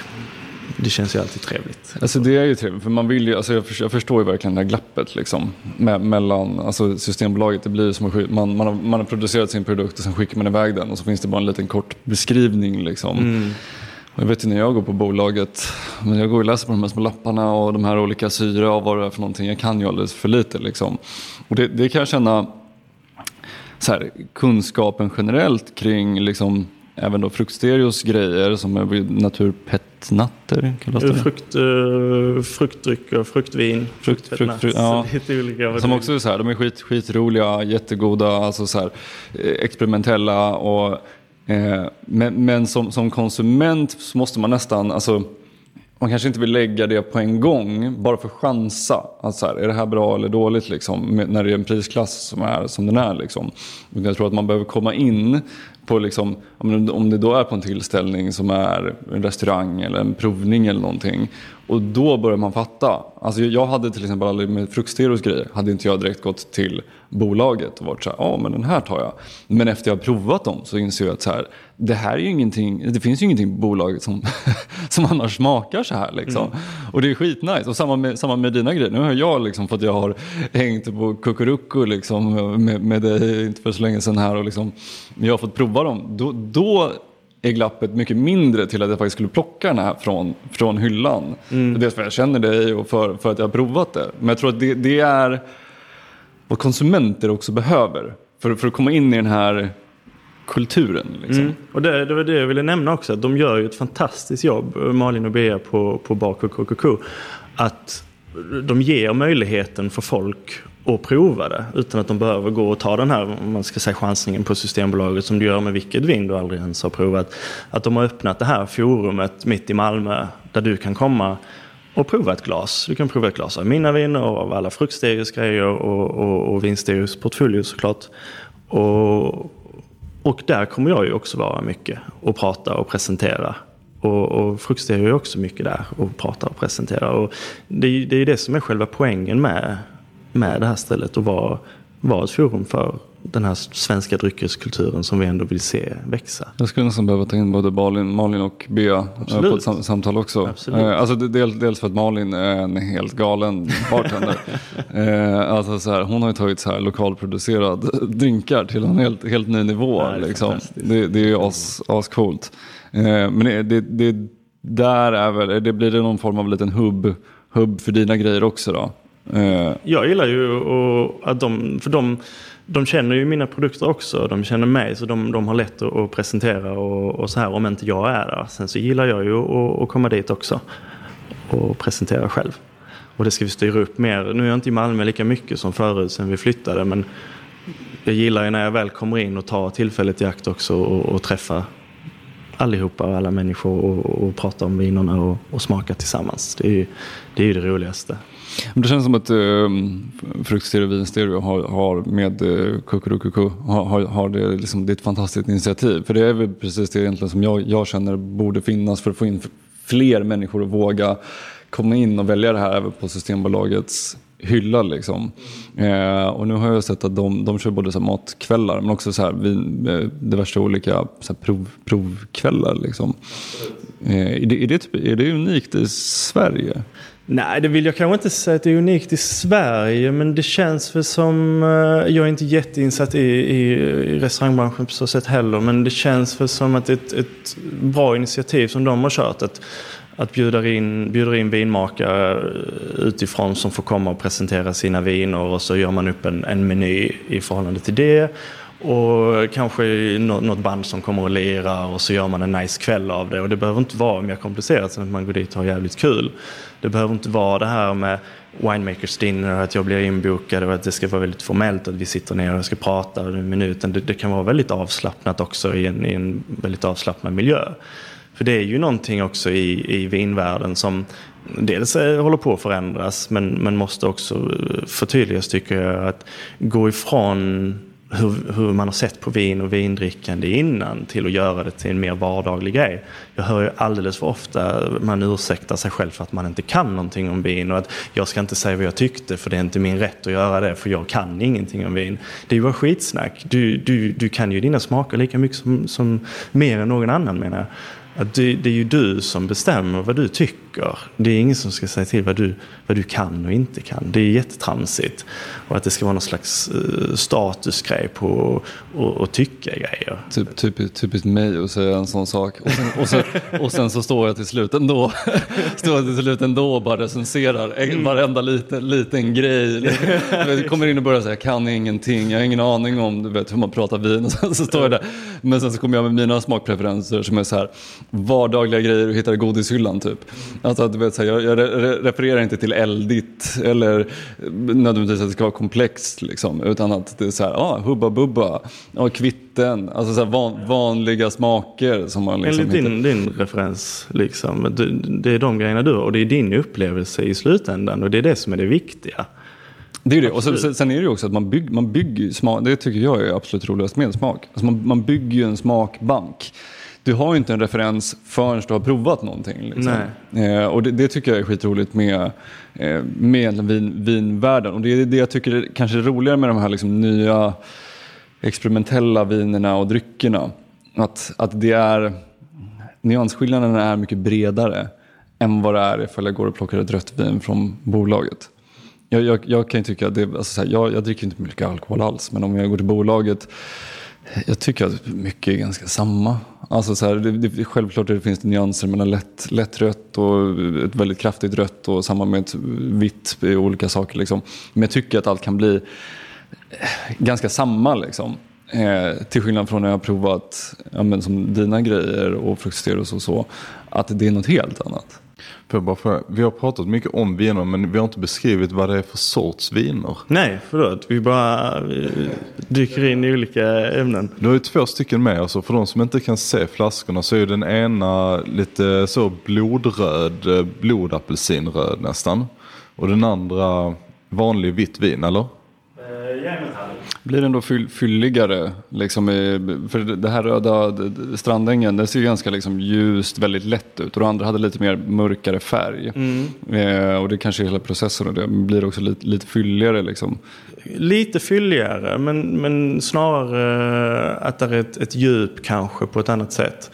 En, eh, du får inte det här fylliga med som sagt med tanninerna och det här utan det ska fortfarande vara ett, vin som är väldigt lätt att dricka. Det, det ska vara, det där är liksom ingen motståndskraft i, i, i, i själva drickandet. Men där, där är ett annat djup och där är en annan eh, komplexitet kanske att titta på i, i det vinet då. Eh, men ja, lite kraftigare än det andra men fortfarande inte ett kraftigt vin på det sättet. Utan de kraftigare vinerna då är då snarare de vinerna som jag har gjort på Solaris, då de två andra vinerna. Så om de två första var viner som jag släpper tidigt så har jag det andra spektrat där jag har viner som jag gillar att lagra lite längre. Och då har jag gjort på en vita druvan Solaris. Så delat upp den i två olika. Så fjälltopp då. Um, direktpressad Solaris fått sätta igång jäsningen naturligt. Och sen så har jag valt att dela upp vinet så att en del har fått gå ner på ett ekfat som är använt många år tidigare så den har inte så mycket träsmak kvar utan det är mer själva behållaren som är intressant. Du får en liten mikrooxidation i vinet. Du får en, ehm, en helt, ett helt annat liv i att ha legat tillsammans med trä. Och sen så en del av det ligger på en, en ståltank och sen en del får jäsa på en, en äggformad behållare där ägget gör att, att gästen kan, kan ligga i suspension fritt under jäsningen och, och mer integrera gästen i drycken så du får ett lite fylligare vin och eh, lite mer krämighet från, från gästen. Och sen så får de ligga i ett och ett halvt år får de ligga på sina respektive platser innan eh, väcker dem efter, efter andra vintern och, och bländar ihop dem tillsammans för att sen buteljera till, till sommaren och sen släpps det hösten därefter. Så det är ju skörden från 2020 som släpps, släpptes nu för ett par veckor sedan på Systembolaget.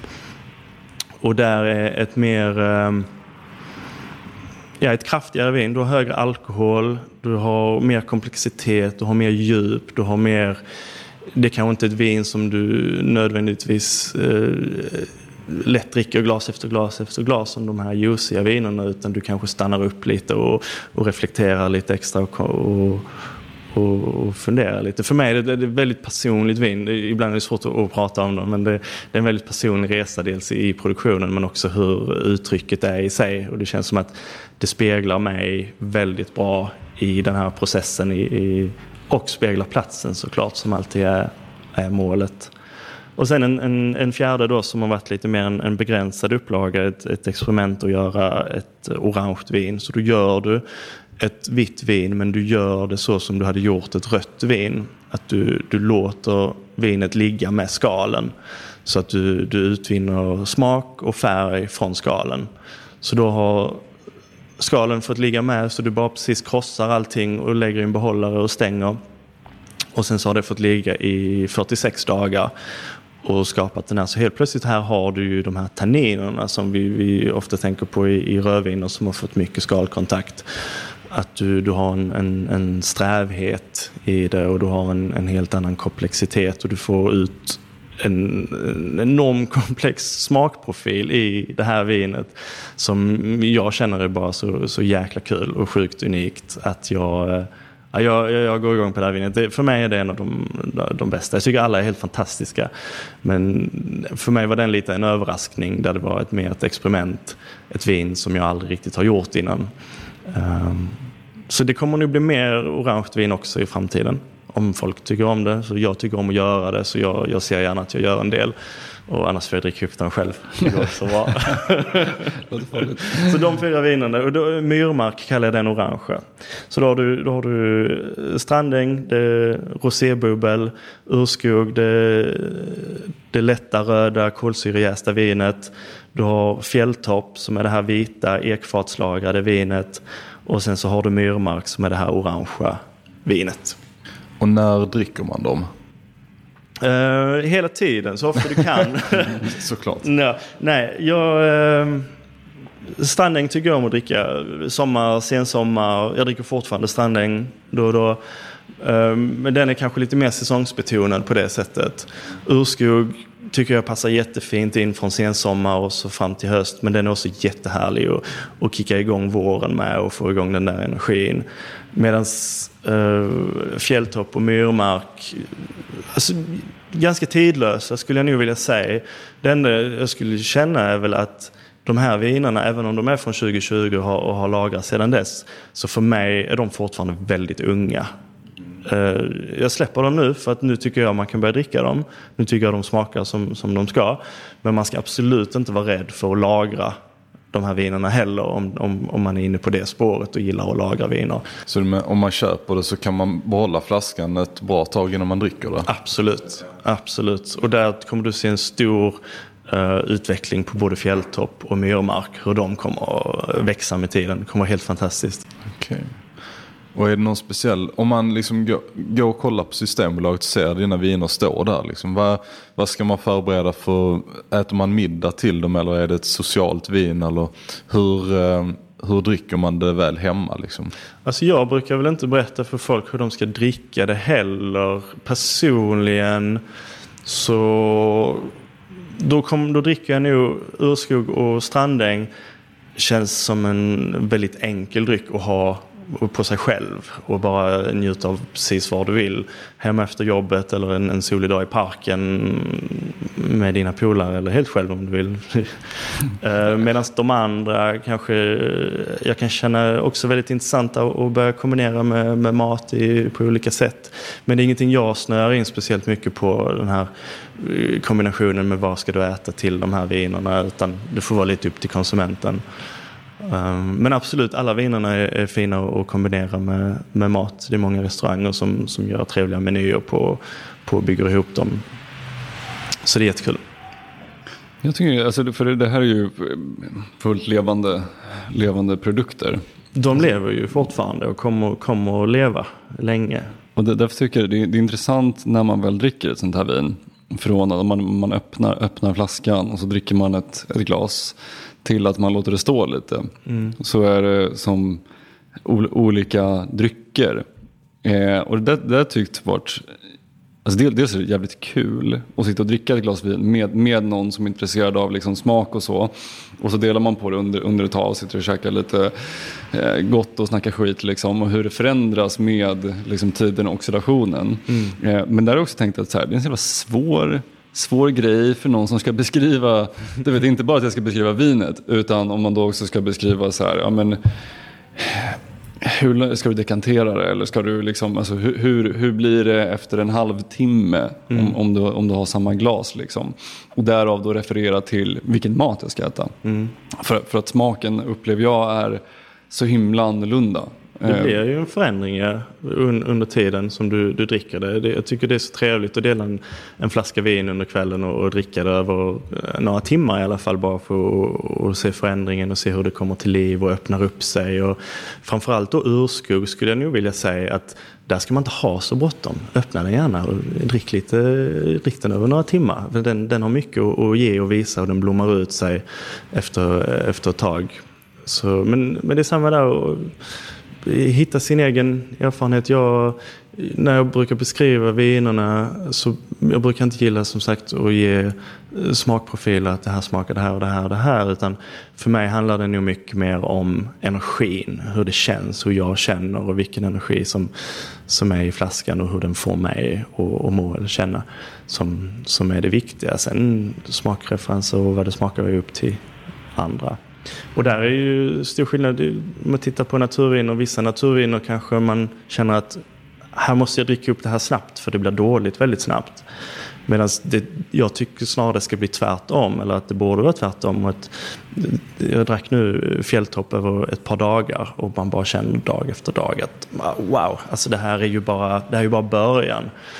Att, eh, mhm, det, är så, det kan till och med vara en så lång tid. Liksom, Ja, jag gör ju det för att utvärdera vinerna. Jag tar ju ett halvt, halvt glas om dagen bara för att titta på, på utvecklingen över tid för att kunna bedöma hur länge det kommer leva kanske eller vad jag kan förvänta mig i framtiden av det. Med en, en nyfikenhet hos mig.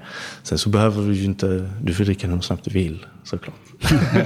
Ja, men jag tycker för det där, jag, jag, jag är inte liksom duktig på att sätta just så här, de typiska vinsmakerna. liksom, smakerna. Men jag tycker smak som sagt är svinroligt. Och därav med att dricka ett sånt här vin med någon som är intresserad utav smaker under en lång period. Alltså det är någonting man gör tillsammans. Det är, det är, liksom, det är typ en händelse. Eh, och, och där är också liksom jag som inte vanligtvis dricker vin, jag, för att jag tycker att det är så här, ja men det, det är inte jättekul liksom, de vanliga som man dricker på bolaget. Men när jag börjar dricka sådana här typer av viner, då är det som att jag gör någonting. Alltså jag sitter med min sambo och sitter och pratar och samtidigt så har vi alltid liksom vinglaset i bakgrunden som vi sitter och så här amatöranalyserar.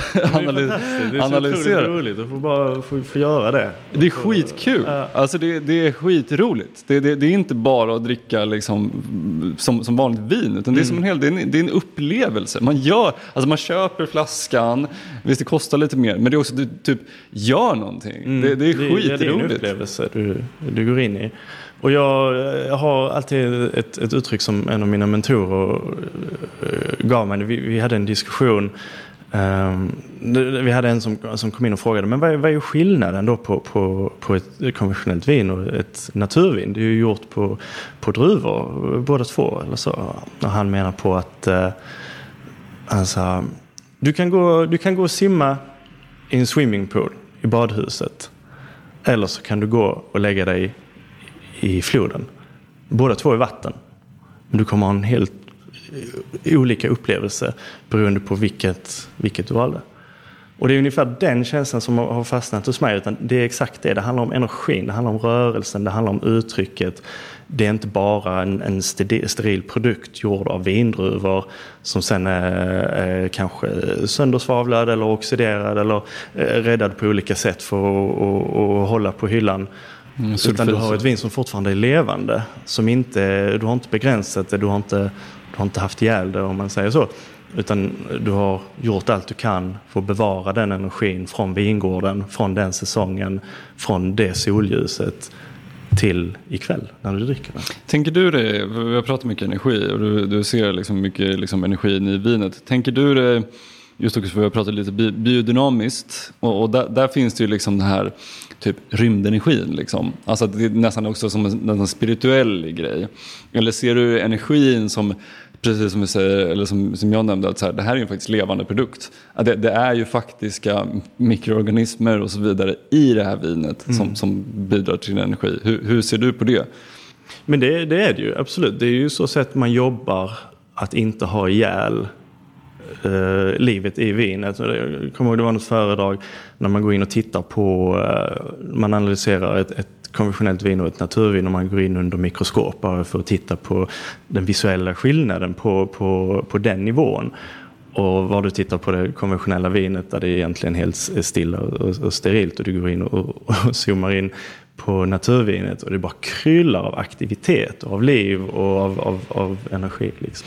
Men tror du att typ producenten som, som vinmakaren också i sig, det finns ju så här, någon, någon galen japan eh, som, som har typ han pratar med vatten och ger känslor till vatten och sen så tar han precis vid fryspunkten så tar han bilder på vattnet och hur strukturen på vattnet blir beroende på vad den har gett för energier till, till vatten.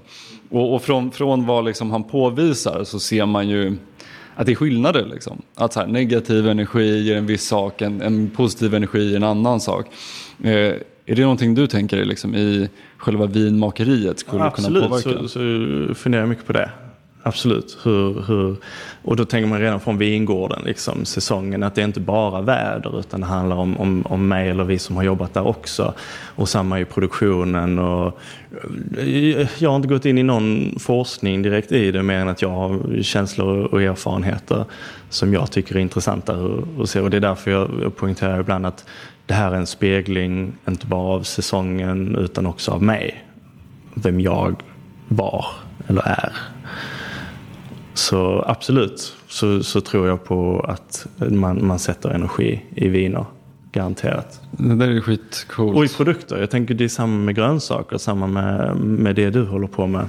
Absolut. Jag hoppas det. Och ibland kanske inte. Mm. alltså, jag menar så, här, det, så det, jag har väl känt ibland när man inte har varit ja, men, vet, det, är inte, det, är inte, det är inte alltid som man går där och skutt, skuttar. Ja. Liksom, utan det, det, är ju också en produktion ibland och man kan vara stressad. Och därav så kan det också vara att man så här, hoppas ja, att det inte gör. Liksom. Men, men, men, för det mesta så går man in med, alltså, man, man hör ju din passion med det. Alltså, jag menar så här, Precis samma som man tar hand om jorden, man bryr sig om mikrolivet och hela säsongen och produkten och liksom att den, den passionen vill man ju ska gå in och det hoppas jag kan reflektera mina grönsaker också. För det är ju det jag tänker på snarare när jag tänker på den här energin, att det är passionen, det är kanske inte nödvändigtvis humöret för dagen eller att du gick och sparkade på dina morötter för att det gick åt helvete med någonting. Alltså det är inte den energin utan det är, det är passionen du ger. Det, det är den kraften som jag tror lätt kan sätta sig. Mm.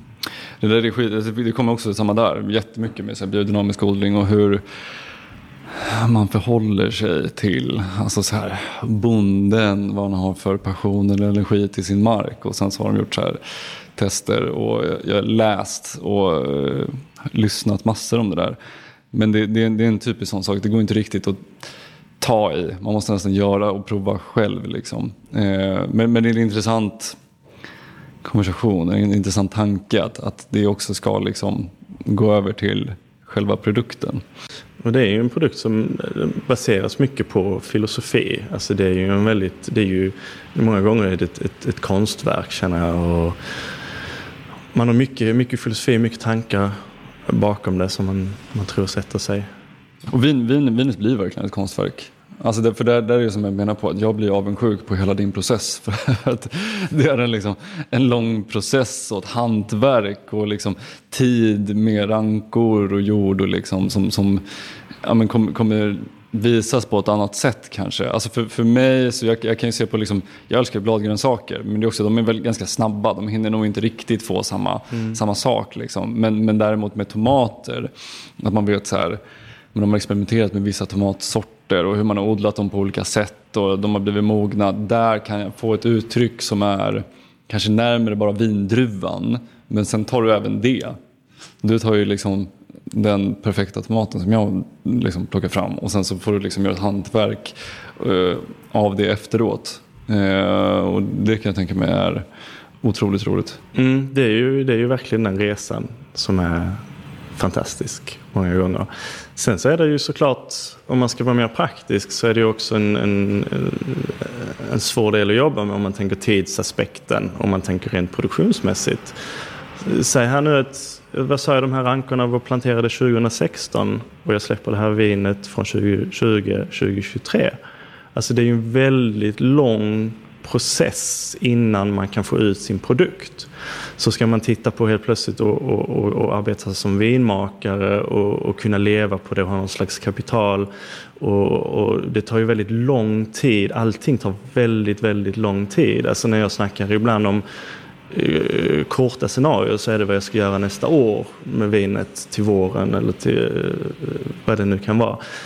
Att om man ska där, där är ju en fördel med, med, med lite snabbare eh, kulturer kanske. Att dels så ska jag ha säsonger, jag ska skörda dem eh, när de är klara. Sen ska de, de jäsas och sen ska de lagras och sen ska de eventuellt släppas. Fördelen är också att den är så pass konserverad så att det är ingenting som blir dåligt. Utan det gör ju inte mig någonting om inte alla flaskor dricks nu. Utan det är en produkt som kommer kunna säljas över, över tid. Men eh, det är klart, om man ska titta på, på företagsamhet och, och cashflow och sådana grejer så kan det ju vara väldigt svårt ibland att, att få det att, att gå ihop. Så där, eh, där är ju inte bara fördelar med att få, få skapa ett fantastiskt hantverk utan det, det är ju mycket på vägen som, som, eh, som kan ställa till det. Samma där om du skulle ha en, en, en dålig skörd, eller vi säger i mitt exempel att 2022 så skördade jag inga vindruvor till att göra vin. Då har du helt plötsligt ett, ett ganska stort glapp. Då får du vänta till 2023 skörd och sen ska det göras. Som tur är så har jag viner som kommer att släppas från 2021 som kommer att släppas på vägen och kunna täcka upp det. Men om man tänker rent eh, praktisk produktion så är det ju många gånger en utmaning. Det är inte lätt att vara liten, liten, Nej, liten producent. Inte. Sen lever inte jag på mina viner heller. Att det är inte där, jag får ju ha ett jobb samtidigt. Eller så. Ja, men så, så, är det för, så är det för många, många små producenter generellt också. Och det är väl liksom innan man etablerat sig och hittat sin, sin nisch och sin produkt och utvecklat den som den är. Liksom. Eh, det, det, är svårt i många, många aspekter. Liksom. Och jag vet alltså många små producenter som vi har pratat med sitter i jag menar framförallt i början, att, men då har man haft ett extrajobb vid mm. sidan av för att starta verksamheten. Och det går mycket pengar. Liksom. Eh, det, det, är mer eller mindre beroende på vad man håller på med. Men mm. det, alltså, startkapitalet och läropengarna, eh, det, det, det, kostar. Och har man inte ett, ett bankkonto som liksom det är överflöd på så de, där pengarna tar, tar slut. Eh, och, och sen kommer man med en produkt också som då, så här, produkten, den här produkten den är unik. Och framförallt för folk som går och köper boxvin på fredagar för att mm. halsa i sig. Liksom. Då ska man också få liksom, folk att lära sig vad det är för produkt. Och, vad, liksom, det, är inte, det är inte samma sak som boxvinet. Det, det ska inte nödvändigtvis bara att du ska bli full av det. Liksom. Utan, och samma med, med grönsakerna för mig. Att man ska, folk ska förstå värdet i produkten och uppskatta produkten för, för vad den är. Och det är ju ändå, ändå så ska jag stå på samma hylla som de här produkterna. Att det, det är det vi pratade om innan, att det är inget annat direkt forum. Utan jag, jag får stå bredvid där och det är, ingen, det är ingen skylt som säger vad det här är för vin. Det är ingen märkning som säger att det här är naturligt gjort. I bästa fall så Systembolaget har ett, ehm, ett sortiment som heter lokalt och småskaligt som de startade, hittade på 2014. Där det på något sätt ska gynna den lokala producenten, den lilla producenten och få komma ut med sina grejer. Så det har väl hjälpt också lite svenskt vin att få ett litet språng eh, framåt. För att då kan jag släppa de här vinerna i sortimentet lokalt och småskaligt och få ut dem. Då kan de stå på hyllorna. De får vara max 15 mil ifrån produktionsstället. Eller så läggs de ut på um, de skickas upp till ett lager och så kan hela Sverige beställa då online. Så går du in på Systembolagets hemsida så kan du klicka hem de här vinerna och så skickas de till ditt bolag som du väljer eller ditt ombud. Och så, det är kostnadsfritt såklart. Och så får du gå och, och köpa ut dem därifrån. Så det, det är lättaste sättet att få tag i dina, dina viner också då? Ja, absolut. I, I nuläget ser det ut så att antingen så får, vi, får du gå in och titta hos Vinstereo vilka restauranger som det säljs till eller så får man gå in på Systembolaget.se och, och, klicka hem. Då söker du bara på Friberg så kommer, kommer vinerna upp som som finns aktuella för tillfället. Och sen och så, i Malmö har du Kukuruku då? Ja, precis. Malmö Kukuruku. Det finns på rätt så många restauranger runt om i Sverige. Naturvinsrestauranger mm. såklart. Vinsterö har ju ett jättebra nätverk att få ut grejerna. Så det... Finns det någon, något ställe i Stockholm? Bara för att jag, jag kommer därifrån. Absolut. Savant har ju, har ju alltid på, på hyllorna. Tyger Cecil brukar ha. Och det är säkert många fler som, eh, som har.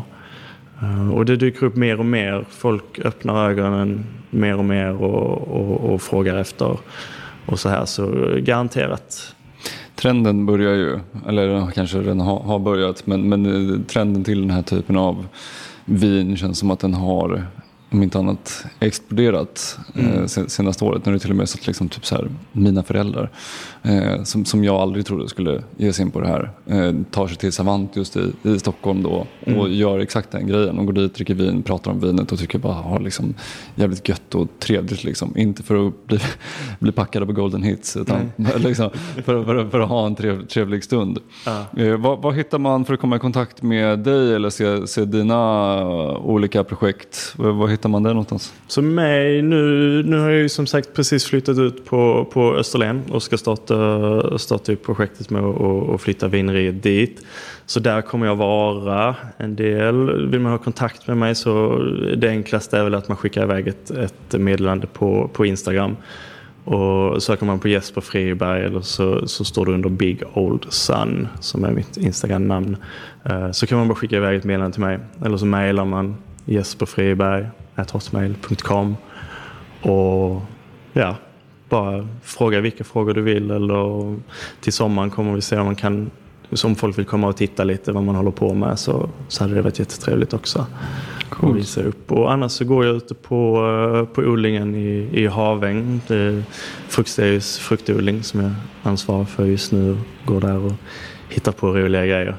Coolt. Men eh, då tycker jag folk ska in dels på bolaget och beställa ditt vin om inte annat ta sig till eh, några av de här restaurangerna och in på eh, Jespers Instagram under Big Old Sun så får ni säkert se vart det kommer upp diverse olika event och vad som händer i framtiden. Precis, där kommer jag bli, ska försöka bli bättre också på att uppdatera vad jag faktiskt håller på med och var jag är och, och hitta på roliga grejer på events. Det är alltid något som hamnar. Gött, det ser vi fram emot. Härligt! Om ni uppskattar det vi gör här med podden så får ni hemskt gärna berätta det för oss och såklart ställa många frågor. Gå gärna också med i vårt forum och följ oss på sociala medier. Tack för att du lyssnade så hörs vi nästa gång.